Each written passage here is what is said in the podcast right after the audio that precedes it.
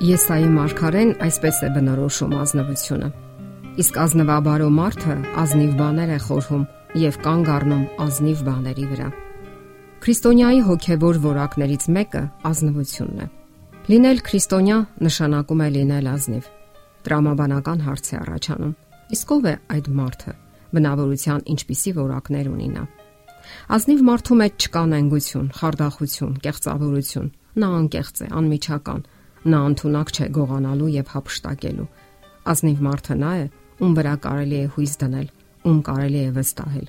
Նրա վարքի բնորոշիչները արդարությունն են, բարեխղճությունն ու անաղարտությունը։ Ազնիվ մարդը սիրում է կարգու կանոն եւ նրա վրա որևէ բիծ չկա։ Ազնիվ մարդու նման բնորոշումը, որը արատավորված չէ որևէ կեղծիքով, խափեությամբ ու խարդավանքով, նենգադավությամբ, դատապարտության արժանի որևէ արարքով, վկայում է այն մասին, որ նա լի է Աստծո սիրով, որովհետև սերը չի կարող թույլ տալ նման արարքներ։ Դա հատուկ չէ սիրուն։ Աստվածային հայտնության, Աստվածաշնչի համաձայն Աստված սեր է։ Եվ Աստծո բոլոր դիտավորությունները, խոսքերն ու գործողությունները բացարձակապես ամեն ինչ նրա կողմից կատարվում է սիրուց դրթված։ Աստծո ֆիզիկական բոլոր հատկությունները ամենազորությունը, ամենագոլ լինելը, իմաստությունը, ամենուրեկությունը նրա կամքի սիրուց ծնված դրսևորումներն են։ Ազնվություն դրսևորելով մենք նմանվում ենք Աստծուն, որովհետև ազնվությունը Աստծո սիրո կողմերից ընդհանրապես մեկն է։ Եվ եթե մանրակրկիտ դիտարկենք ազնիվ մարդ սահմանումը, ապա կտեսնենք, որ այդպիսի մարդը համապատասխանում է Աստծո բարոյական օրենքի պահանջներին ու սկզբունքներին Ազնիվ մարդու կյանքը մեղքի տիրապետության պայմաններում աչքի է ընկնում բարձր բարոյականությամբ եւ այդ պատճառով էլ տարօրինակ ու խորթ է թվում։ Եվ այդպես են նայում ազնիվ մարդուն թե աշխարում եւ անգամ եկեղեցում։ Ազնիվ մարդը տարօրինակ արարած է, խենդ։ Նրա արժեքներն ու կյանքը անհասկանալի են այս աշխարհի մարդկանց։ Նրան հնարավոր չէ գնել որևէ բանով։ Նրա համար իր խղճից ու մակրությունից ավելի թանկ ոչինչ չկա աշխարհում։ Հետևյալ պատմությունը ազնվության լավագույն օրինակ է։ Սաբայեցիները որոշեցին կաշառել հռոմեացի զորավար Մանիա Կուրիային։ Իրենց առաջարկություններով եկան նրա մոտ հենց այն պահին, երբ նա շահգամ էր ուտում։ Մերժելով Սաբայեցիների առաջարկած ոսկին, Կուրիան ասաց. «Քանի դեռ ես բավարարվում եմ շահգամով, իմ ինչին է պետք ոսկին»։ Նաև ակնհայտ է, որ ազնվությունը, որպես առաքինություն, բարձր էր գնահատվում անտիկ հասարակության մեջ։ Այսպես օրինակ, Սենեկան գրում է Լուցիլիային. Բարձրագույն բարիքն այն է, ինչ ազնիվ է, կամ որpիսի դու ավելի շատ զարմանաս, միայն այն է բարի, ինչն ազնիվ է։ Իսկ մնացած բոլոր բարիքները կեղծ են ու հորինովի։ Հոբ նահապետը գրում է. Վասն որո նվաստանում եմ եւ զղջում հողի ու մոխրի վրա։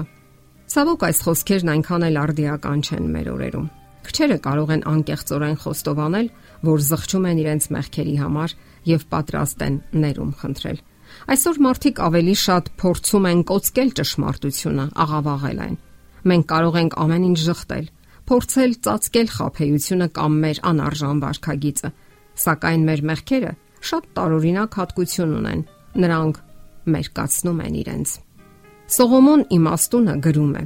Իր հանցանքը ծածկողը չի հաջողվի, բայց խոստովանող եւ թողողը ողորմություն կգտնի։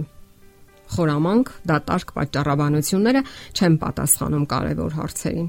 Կյանքը մեր արժև այնպիսի հարցադրումներ է դնում, որոնք առանց ազնվության ու անկեղծության հնարավոր չէ լուծել։ Հակառակ դեպքում մենք սկսում ենք ինքնախապեյությամբ զբաղվել կամ էլ խեղաթյուրել ճշմարտությունը։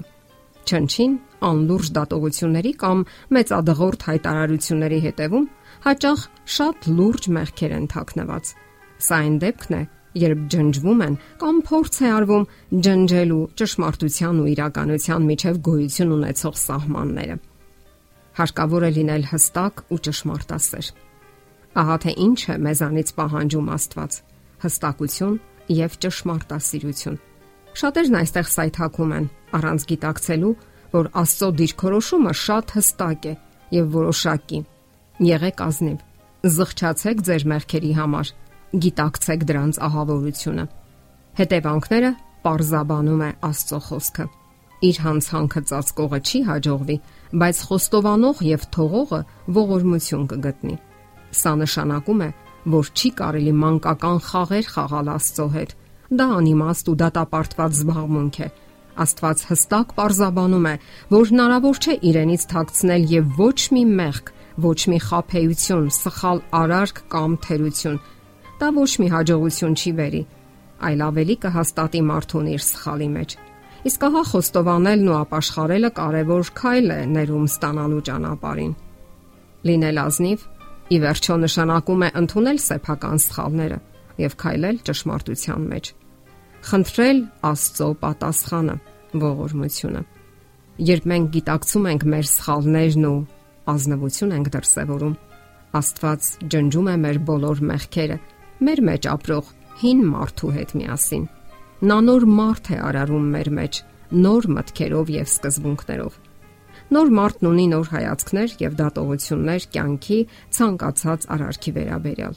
Մինչ շատերն արդարացումներ են որոնում իրենց սխալների եւ մոլորությունների համար, կեղծավորաբար արդարացնում դրանք, ազնիվ քրիստոնյան ընդունում է իր սխալներն ու խոստովանում։ Աստվածաշնչում կարդում ենք. Վայ նրանց, որոնք ճարին ասում են բարի եւ բարուն չար, որոնք խավարը լույսի տեղ են դնում եւ լույսը խավարի, որոնք դառը դնում են քաղցրի տեղ եւ քաղցրը դառի։